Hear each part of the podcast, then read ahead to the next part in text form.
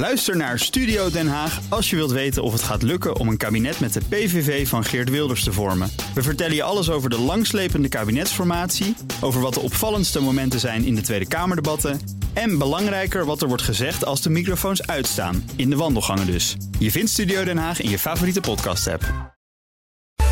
De BNR Techniek Tour wordt mede mogelijk gemaakt door Techniek Nederland. De ondernemersorganisatie voor de installatiebranche en technische detailhandel. BNR Nieuwsradio. De BNR Techniek Tour. Thomas Schuurman. Welkom. Als er één plek is waar techniek steeds vernuftiger wordt, dan is het misschien wel de operatiekamer. En de andere kant zien we met de nieuwe technologie, de, de katheter en de voerdraad, die duidelijk beter zichtbaar zijn kan ik in 3D heel mooi mijn weg vinden. Deze week presenteerde het UMC Utrecht nog vol trots een doorbraak in de behandeling van vaatziekten.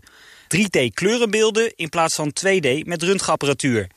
Slimme technologie, robots en AI, het is de zorg van nu. Hoi, ik ben Peper, een echte robot. Het maakt de operatiekamer meer dan alleen een plek... waar de dokter met scalpel en naad en draad zijn werk doet. Want hoe dragen we die peperdure rekeningen? Zorg is toch al onbetaalbaar? En wie bepaalt straks of een behandeling stopgezet moet worden? De machine? De mens? Ethische kwesties waar techniek een rol in speelt. Maar op dat laatste richten we ons dit half uur. De operatiekamer van de toekomst. Ambitieus, want we kunnen nooit al die technologische hoogstandjes meenemen. Wel een paar. Hoe robots blinden straks misschien weer ziend kunnen maken. Hoe een nieuw scanapparaat nog maar 7 kilo helium nodig heeft in plaats van 2000. Maar we beginnen op de plek waar deze week die nieuwe vaattechnologie werd gepresenteerd. Het UMC Utrecht. We zijn in het innovatiecentrum waar grote en kleine technologieën worden ontwikkeld, onderzocht en verkocht. Ik ben Jan Lagendijk. Ik ben klinisch fysicus hier op uh, eh, UMC Utrecht. Ja, en voor ons een enorm apparaat. Wat is het? Dit is een MRI-versneller. Dit is de eerste prototype dat we gebouwd hebben ongeveer tien jaar geleden. Een MRI-versneller? Een MRI-versneller. Uh, je hebt een versneller, daar worden patiënten mee bestraald op de afdeling radiotherapie. Het hele proces is dat er een plaatje, een beeld van de patiënt gemaakt wordt. Dan wordt er een plan gemaakt en dat plan wordt vijf tot zeven weken lang uh, gebruikt. Dus de patiënt komt dagelijks terug naar de afdeling radiotherapie. Wat we nu aan het proberen zijn, is om tijdens de behandeling zelf, dus tijdens de bestraling... om dan een plaatje te maken van de patiënt. Dat doen we dus met een MRI. En dan dat plaatje direct te gebruiken om de behandeling te verbeteren en te optimaliseren. Dus het is 2 in 1? Het is 2 in 1. Het is een MRI en een versneller samen in één apparaat. En elke dag dat je bestraalt, kijk je dus met de MRI waar de tumor precies zit, hoe die beweegt en probeer je de behandeling te optimaliseren. Ja, wat, wat betekent dat voor de bestraling? Dat betekent voor de bestraling dat je veel nauwkeuriger kan bestralen. Dat er veel minder gezond weefsel mee bestraald wordt. Dus je krijgt minder schade aan de patiënt, minder complicaties. Maar ook dat je een hogere dosis in de tumor kan geven. Ja. Daardoor hopen we ook dat de twee dingen gebeuren. Dat je een betere controle krijgt van de tumor. Dat je daardoor ook geen operatie meer nodig hebt. Dus dat je met bestraling alleen kan. Dat de patiënt niet, dat niet meer geopereerd hoeft te worden. Maar ook dat je minder vaak naar de afdeling hoeft te komen. Dus in één week klaar bent met je bestraling. In 1999 begon het eerste onderzoek. In 2009 was het eerste prototype klaar. En vorig jaar is het eerste klinische systeem in gebruik genomen. Inmiddels zijn er wereldwijd nu al 30 plekken die patiënten ermee behandelen. Je ziet eigenlijk de buis van de MRI-scanner, zoals de meeste mensen hem toch wel kennen... waar je dan ingelegd wordt of ingereden wordt als het ware. Maar daaromheen zit natuurlijk de enorme technologieën en daar een extra schil omheen... met overal de draadjes en dergelijke. Wat is nou echt zeg maar, zo'n technologisch aspect wat er de laatste jaren bij is gekomen... wat, ja, wat u 20 jaar geleden eigenlijk niet had kunnen bevroeden? Als we echt inzoomen in het, in het ontwerp... dan is het grote probleem dat een MRI een enorm groot magneetveld om zich heen heeft... Want een, magneet, een MRI is een magneet. Kan ik al opnemen eigenlijk met mijn recorder dan nu? Uh, uh, deze staat uit. Oh, is dat uit? Ja, dat is waar. dit is een prototype en op dit moment is dat zelfs officieel een museum nu hier in Utrecht. Oh, dus uh, deze wordt niet meer gebruikt. Maar die MRI geeft dus een groot magneetveld. En dat magneetveld verstoort de versneller. Maar de versneller verstoort ook het magneetveld. En het idee was eigenlijk dat dat niet samen zou gaan. Dus dat je niet een versneller zou kunnen bouwen met een MRI samen die samenwerkten. Maar we hebben trucs gevonden waarmee die systemen wel samen kunnen werken. Ja. En op dit moment kunnen we dus inderdaad een patiënt bestralen in de MRI. En uh, zonder dat je eigenlijk zeg maar, een verstoring krijgt van de beeldkwaliteit van de MRI. Van letterlijk misschien wel het grootste succesnummer... naar een kleinere technologische ontwikkeling... die gepriegel met naald en draad overbodig maakt. U bent? Willem Suiker, thoraxchirurg. Ik zie hier voor mij eigenlijk maar een heel klein apparaatje van een paar centimeter. Wat is het? Ja, dat is een niet-apparaatje om vaatverbindingen te nieten op het hart voor kransslagaderoperaties. En wat is daar zo belangrijk aan? Wat is er zo fijn aan? Ja, de cruciale uh, deel van de hartoperaties bij coronary bypass... is het maken van vaatverbindingen. En dat doen we nu nog steeds met naald en draad. Ja, heel, heel, klein, heel, maar, heel moeilijk om te zien. Dat is, dat is lastig, is complex. Hè, en dat heeft als resultaat dat je tot op heden de borstkast nog steeds moet openmaken... om er goed bij te kunnen. Ja. En wij, het apparaatje? Wij willen dat via kijkoperaties kunnen. Dus je moet dat geautomatiseerd kunnen doen. En daar komt wel wat bij kijken. Het moet nauwkeurig genoeg zijn, het moet reproduceerbaar zijn... het moet veilig zijn, het moet gewoon goed zijn. En deze niet, als het ware? Dit niet-apparaatje heeft laten zien in uitvoerige testen... dat het uh, goed en betrouwbaar werkt. En we zijn nu toe eraan om dat first in men te gaan toepassen. Ja, dat wil zeggen binnen nu en? In de loop van dit jaar. Of het meteen common sense is, is afwachten. Het apparaat is nog niet uitontwikkeld. Maar dat het werkt, staat vast. Al dus Willem Suiker, cardiotorocaal chirurg. Ja, uh, Joris Jaspers staat aan het hoofd van dat innovatiecentrum ja. in Utrecht. Dan lopen we even, even, langs ons eigen labje. En hij wil ons graag meer laten zien. En dan bij Pontus. Uh, ja. Apparaten die niet alleen slim zijn, maar die ook saai en belastend werk uit handen kunnen nemen. De Movix. Wat we hier doen is de camerahandeling bij minimaal invasieve operaties, kijkoperaties, waarbij je dus opereert via een camera in het lichaam. Normaal wordt die camera door een assistent vastgehouden. Het is een hele statische, maar ook heel erg onergonomische economische belastende handeling... die hebben we weggehaald en die hebben we in een heel slim statief gezet. Ja, die ook vastgeklikt hier aan een tafeltje? Ja, die wordt aan de operatietafel vastgeklikt normaal... en nu aan dit demonstratietafeltje. En wat dit uh, apparaat doet, is het houdt de bediening van de camera... gewoon in de handen van de arts of de assistent. Maar door op een knopje te duwen staan alle graden van vrijheid uh, los... En uh, kun je hem snel in een nieuwe stand zetten en blijft hij daar weer, uh, weer staan. Zonder dat je hem helemaal hoeft op te tillen of zo? Zonder dat je hem uh, hoeft uh, op te tillen. Of gewoon staan wat de vast. industrie dan doet. Die maken daar een robot van. Met allemaal motoren. Een product wat tien keer zo duur uh, wordt. Wat helemaal niet intuïtief te bedienen is. En deze, omdat je gewoon kijkt, oké, okay, wat kunnen wij mensen veel goed? Dat is heel goed een camera richten, dat lukt je met je mobieltje ook heel goed. Maar op het moment dat je hem niet wil bewegen, staat hij stil... en dan wordt het uit handen genomen. Dus ja. ik heb heel erg nagedacht, oké, okay, waar hebben ze nou echt behoefte aan? En hoe vertalen we dat in een zo toegepast mogelijk uh, product. Een weinig belastend product. Een weinig belastend product. Met Jaspers praten we zo in deel 2 verder over hoe de arts meegetrokken wordt in de technologie. Niet alleen in het ziekenhuis is onderzoek naar technologische innovatie. Voor Philips zijn medische apparaten al een tijdje de core business. Zo laat Martijn Hartjes de nieuwste MR-scanner zien. Die niet alleen beter is, ook praktischer. Wat nu echt uniek is aan deze scanner is dat hij uh, veel minder helium nodig heeft. Dus uh, een normale MRI-scanner heeft tussen de 1500 en 2000 liter helium nodig. Uh, rondom dat magneet? Ja, rondom de magneet om te koelen. En deze scanner uh, is gebaseerd op een compleet nieuwe technologie... Uh, waarbij we maar 7 liter helium nodig hebben. Hoe kan er zo'n gigantisch verschil zijn? Nou, dat is een, uh, een project geweest van tussen de 7 en 10 jaar in, toen, toen, we hiermee begonnen. En de reden daarvoor was eigenlijk om te, omdat helium een, een, natuurlijke bron is. Of ja. komt uit een natuurlijke bron. Mm -hmm. En we zien dat de prijzen van helium fluctueren... omdat ja, de hoeveelheid helium die beschikbaar is eigenlijk ook fluctueert in de wereld. En ook schaars is. En schaars is, ja. ja dus, in uh, landen zit waar je ja, niet heel makkelijk handel mee kunt drijven, klopt, begreep ik net. Klopt, ook niet altijd. Hoe is? Nou, komt het vandaan? Op dit moment is er, is er bijvoorbeeld uh, schaarste omdat, uh, omdat het moeilijk is door de handelsembargo's met, met Qatar. Mm -hmm. um, er worden wel continu nieuwe bronnen gevonden, maar het duurt best lang om die, om die helium eruit te krijgen. Mm -hmm. Dus ja, als, voor ziekenhuizen, voor patiënten, wil je eigenlijk minder afhankelijk zijn van helium. Dus deze scanner heeft maar 7 liter helium nodig. En het unieke daaraan is dat het wordt erin gestopt zeg maar, bij het moment dat die geproduceerd wordt. En het gaat er ook nooit meer uit. Um, dus de klant hoeft zich er verder geen zorgen meer over te maken. Het andere voordeel is, deze magneet is een stuk lichter geworden.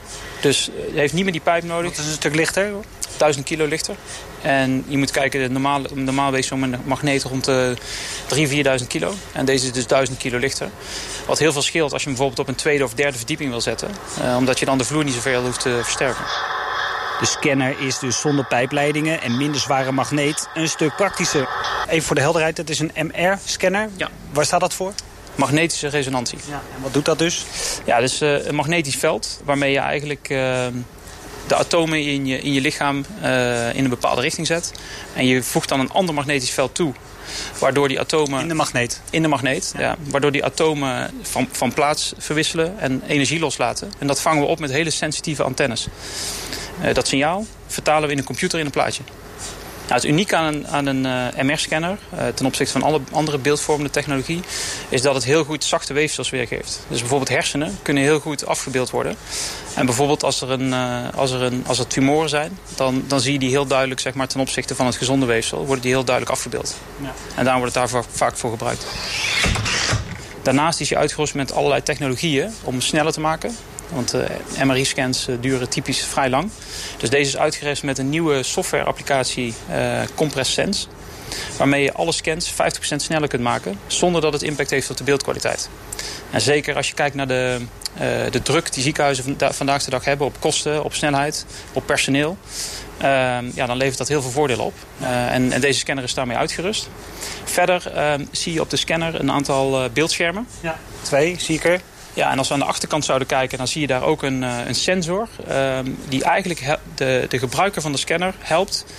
Um, met, met de patiënt op de scanner leggen, de, zorgen dat de, de juiste informatie van de patiënt beschikbaar is om zo goed mogelijk scan te krijgen. Dank Martijn Hartjes van Philips, die de scanner afgelopen najaar introduceerde. Inmiddels zijn de eerste vijf bij ziekenhuizen in gebruik. Tot slot, in dit eerste deel gaan we naar het Radboud UMC in Nijmegen... dat de laatste jaren nadrukkelijk technologische stappen zet. Nieuwe, goedkopere echo-software bijvoorbeeld... waarmee echobeelden makkelijker, via mobiel, afgelezen kunnen worden. Handig bij zwangerschapsproblemen in ontwikkelingslanden, weet Thomas van de Heuvel. Er is een heel groot tekort aan goed geschoold medisch personeel in deze landen. En daardoor uh, worden eigenlijk nauwelijks uh, echo's gemaakt. Uh, en daarom worden er ook nauwelijks risicofactoren op tijd gedetecteerd. En komen deze vrouwen dus eigenlijk uh, niet op tijd in het ziekenhuis. En als je dan kijkt naar hoeveel vrouwen er wereldwijd ten gevolge van een zwangerschap sterven, zijn het er uh, ongeveer 830, waarvan 99% in ontwikkelingslanden leeft. Dus dat zijn er 820 ongeveer. En dat is per dag. Dus dat is een gigantisch aantal. En daarom is mijn onderzoek erop gefocust om echo te introduceren in deze landen. En dat hebben we gedaan door software te ontwikkelen die de echobeelden automatisch interpreteert. En dat hebben we gedaan door middel van een protocol te, uh, te gebruiken wat iedereen binnen een dag kan leren. En op die manier hopelijk vrouwen op tijd naar het ziekenhuis krijgen. Het echosysteem zit in de kinderschoenen. Er is volgens Van de Heuvel vooral nog veel data van de eerste zwangerschapsperiode nodig. Technologie in de operatiekamer gaat hard. De robot rukt op. Oeh. Nieuwsradio. De BNR Techniek Tour. Welkom terug. Technologie gaat hard in de operatiekamer. Hoofdinnovatie van het UMC Utrecht, Joris Jaspers, vertelt dat die ontwikkeling vooral ook keihard nodig is. Koudwatervrees van robots, ze pikken onze banen in. Dat is onterecht. We hebben enorme tekorten aan, uh, aan personeel, specialistisch verpleegkundigen, OK-assistenten. Het werk is heel arbeidsintensief. Um, technologie zie je in de buitenwereld dat daar al een oplossing uh, voor is. Uh, robotica, uh, slimme apps, slimme tools, ergonomische hulpmiddelen. het werk is zwaar, lichamelijk zwaar. er is best wel wat uitval in de, in de zorg. En het is heel administratief belastend. Ongeveer 30, 40 procent van het werk is helemaal geen zorg, maar is administratie en registratie. Nou, daar zijn allemaal mogelijkheden om met technologie dat werk te verlichten. En ja, Jullie ontwikkelen hier vooral om te ontlasten? Ja, dat is wel goed weer. Het, om, om arbeid te besparen, om uh, uh, uh, mensen te kunnen laten focussen op waar ze voor opgeleid zijn en wat ze leuk vinden, om zorg te verlenen. En natuurlijk, we doen het uiteindelijk voor de patiënt. Maar heel veel van de technologie, zeker in de ziekenhuizen, is niet in handen van de, van de patiënt. Is in handen van de, uh, van de zorgverlener. Die moet ermee werken om zo goed mogelijk zorg te kunnen verlenen voor, de, voor de patiënt. Staan de mensen in zo'n ziekenhuis open voor ja, allemaal technische innovaties? Sommigen wel. Uh, een aantal eh, van de medisch specialisten hier en ook een aantal verpleegkundigen en, uh, en andere zorgprofessionals uh, staan daar zeker voor open.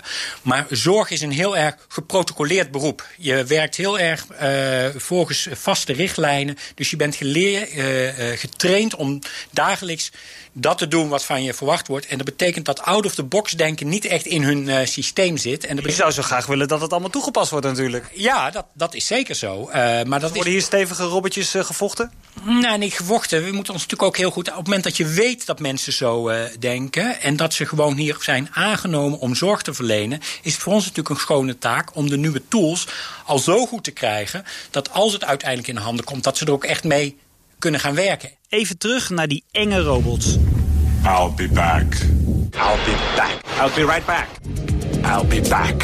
In ons land is er één iemand die alles over robotisering weet. Hoogleraar en grote baas van het Eindhoven Medical Robotics, Maarten Steinboeg. Hij stoert niet alleen met studenten om het WK robotvoetbal te winnen. Medische robots zijn een specialiteit. Een robot die oogchirurgen bijvoorbeeld superhanden geeft. Die uh, chirurg heeft eigenlijk hele mooie versterking van zijn ogen. De microscoop. Wordt al tientallen jaren gebruikt.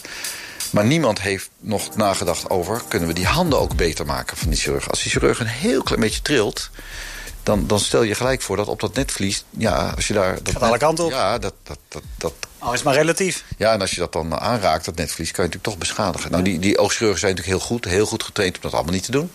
Wat wij Ze kunnen wel eens een mindere dag hebben. Zo is dat. Wat wij hebben gedaan, is een robot ontwikkelen... die de hand van de chirurg, zeg maar, verplaatst. Dus wat we doen is, de twee instrumenten worden niet meer vastgehouden... door de hand van de chirurg, maar door de robot. Die kan je hier zien. Mm En die aansturing van die robot laten we doen door een joystick die de chirurg dan vast heeft. Dus de chirurg heeft een joystick vast. En de beweging van die joystick die vertalen we naar de beweging van de robot die die instrumenten vast heeft. Die joystick maakt ook dat je heel fijngevoelig heel kort kunt bewegen. Nou, wij kunnen schaling invoeren tussen de joystick en de robot die de instrument vast heeft. Dus stel dat je een schalingsfactor van een factor 10 doet. Dus dat de robot die de instrumenten in je oog vast heeft... tien keer zo nauwkeurig wordt als de beweging van de joystick... dan kan je je voorstellen dat je eigenlijk tien keer zo goede handen maakt... van een, de handen van een oogchirurg. Dus wij maken hier een oogchirurg. Superhanden. Wij maken superhanden, wij maken superchirurgen. Dat is precies wat we doen. Ja, het systeem. Dit is wel een rete uit. Kun je er nog meer mee met, met dit apparaat, met deze robot? Ja, dus met deze robot kan je ook uh, gentherapie doen. Dus je kan uh, vloeistof uh, druppelen of eigenlijk aanbrengen achter je netvlies. dat is voor, Wat doet de robot dus? Dat kan de robot doen. En we zijn op dit moment aan het onderzoeken of dat dus inderdaad veel nauwkeuriger kan dan uh, met de mensenhand. En met name de, de minder getrainde, de minder goede chirurgen... die zouden heel erg groot voordeel van dit apparaat kunnen hebben. Gentherapie wordt in toenemende mate gebruikt om uh, te zorgen dat mensen uh, niet blind worden... die last hebben van netvliesproblemen. en ja, dit apparaat is daarvoor geschikt. En ja, deze robot... Die, die, die wat de, de, extra toevoeging die er nu langzamerhand bij komt. Ja, ja, ja, dus die hele specialistische operaties... Die, die, waar een hele grote toekomst voor, voor wordt voorspeld... daar heb je ook die hoge nauwkeurigheid nodig. En dit apparaat geeft precies die nauwkeurigheid... die de chirurgen nu met hun handen eigenlijk niet hebben. Ja, dus het, het, het, voorkomt, het kan ook voorkomen dat je minder goed gaat zien slash blind wordt. Kan dat ook andersom? Mensen die niet meer zien ook weer laten zien? Ik denk dat, dat er bepaalde vormen van, van blindheid of aanstaande blindheid zijn... die je echt wel kan voorkomen met uh, gentherapie. Dat vermoed ik wel. Ja, met, met deze robot dus? En met die robot kan je, kan je dat dus uh, heel nauwkeurig uh, toedienen... dat die medicatie achter je netvlies. Ja, ja, dat klopt. De oogrobot werd in 2016 in Oxford voor het eerst getest. Rotterdam heeft een vergelijkbare sinds vorig jaar. Maar het is nog geen marktrijp product. Dat robotica een miljardenmarkt wordt, ja, daar twijfelt Steinboeg niet aan. Zo zijn ze in Eindhoven alweer met een andere robot in de weer. De allernieuwste waar we werken is een botrobot... die eigenlijk op basis van plaatjes in je bot kan frezen achter je oor. Bijvoorbeeld voor gehoorimplantaten. Dat doen we samen met Radboud Nijmegen. Uh, die robot is de eerste robot die echt helemaal autonoom moet gaan, kunnen gaan werken. Dus geen chirurg meer die hem bestuurt, maar gewoon plaatjes die hem laten sturen. Nou, die botrobot wordt het eerste product van Eindhoven Medical Robotics. En uh, wat interessant is, is dat als je met zo'n systeem bezig bent... Uh, dan ga je dus met heel veel artsen praten. Want dat zijn uiteindelijk de klanten die zeggen... ik wil hem wel of niet. En ik zeg altijd, er zijn drie soorten artsen. Eentje is, die zegt van nou... ik vind het eigenlijk zo leuk wat ik doe... ik wil helemaal geen techniek. Ik doe het gewoon lekker zelf. En die zijn dus sceptisch en die zeggen van nou, dat duurt nog zo lang. gewoon van de ambacht. Ja, die houden van de ambacht. En dat is prima. Uh, de tweede groep van artsen die zegt... hé, hey, dit is leuk, dat, dat kan ik goed gebruiken... Uh, en, en die robot, die, die, ik ga met jullie meedenken om die robot precies te laten doen wat ik nu ook doe, maar dat ik dan wat ontspannender ben. Ja. De derde groep vind ik eigenlijk het meest interessant. Dat zijn de artsen die ineens gaan, echt gaan meedenken. Hé, hey, als een robot dat en dat en dat kan, dan kan die misschien wel operaties doen op een andere manier als dat we tot nu toe deden. Zodanig dat het voor de patiënt beter is, of voor de kostprijs beter, of voor het ziekenhuis beter, of voor mij als arts beter. Dus dat zijn, wat ik altijd noem, een beetje de technochirurgen. De chirurgen die echt even het perspectief zien van de toekomst van van echt techniek introduceren in die gezondheidszorg. Nou, dat voor, u, voor u natuurlijk de interessantste groep. Wat is de grootste groep? De grootste groep is uh, vaak nog groep nummer 1. Hè, de, de sceptici. En dat is heel normaal. En dat mm. vinden we ook heel nerig. Groep 2 is ook best groot. En groep 3, dat zijn, dat, die moet je echt wel een beetje zoeken. Toch even terug naar die botrobot. Hè? Stel dat ik een gehoorapparaatje in, uh, in, wil krijgen. Hoe werkt dat dan? Nou, ja, normaal, nu is het is altijd goed om te weten hoe het nu werkt. Nu is het zo dat de chirurg die maakt een een CT-plaatje van tevoren... en die gaat nadenken, hé, hey, wat moet ik precies in mijn... Uh, achter je oor van het bot wegvrezen... of waar moet ik het gat uh, boren. En wat hij dus nu doet, is dat hij heel voorzichtig achter je oor in dat bot ruimte maakt voor dat gehoorimplantaat. Mm Dus hij moet een kanaal maken naar je binnenoor mm -hmm. om de elektrode aan te brengen. En hij moet een, een, stukje plek maken om de elektronica daar te stoppen. Mm -hmm. Het probleem is dat in dat gebied achter je oor, in dat bot, daar loopt ook je gezichtszenuw. Hmm. En daar loopt ook je smaakzenuw. Dus zeer risicovol. En precies tussen de gezichtszenuw en de smaakzenuw... moet eigenlijk het kanaaltje komen naar je binnenoor. Dat is natuurlijk een heel klein ruimtetje waar je precies doorheen moet. Dat is maar een paar millimeter. En als je dus je gezichtszenuw zou raken... dan ben je voor de helft verlamd. Ja. En dat weet je natuurlijk niet. Ja. Wat wij doen met... ook niet. Nee. En wat wij doen met die robot is... wij maken een, opnieuw een CT-beeld, maar dan hoge resolutie. En dat CD-beeld laten we door de arts laten we vertellen wat er precies weg moet worden gehaald in dat CT-beeld. Vervolgens geven we dat CT-beeld, dat röntgenbeeld, aan onze robot. We zorgen dat de robot precies weet waar het hoofd is... en dat het hoofd stil ligt ten opzichte van de robot. Nou, dan zeggen Essentieel we... dus, de plaatsing van het hoofd? Ja, absoluut. En dan zeggen we start. En dan gaat de robot helemaal met dat beeld gestuurd... gaat hij dan zijn weg zoeken in jouw bot... en, en vreest hij of boort hij gewoon het deel weg wat precies weg moet zijn. En de nauwkeurigheid van die robot die is, die is op zich al beter dan een mensenhand. Maar, maar die robot weet ook nog eens meer van waar die is. Want die heeft dat hele beeld van die CT-scanner, van die heeft, heeft hij gewoon in zijn computer zitten. Dat techniek of robots veel preciezer kunnen werken, ja, dat is duidelijk. Of alle diagnoses via bijvoorbeeld artificial intelligence nuttig en überhaupt betaalbaar zijn, ja, dat is waar de zorg voor staat. Wie is er bijvoorbeeld verantwoordelijk als de computer er een keer naast zit? Het ziekenhuis, de dokter, de fabrikant.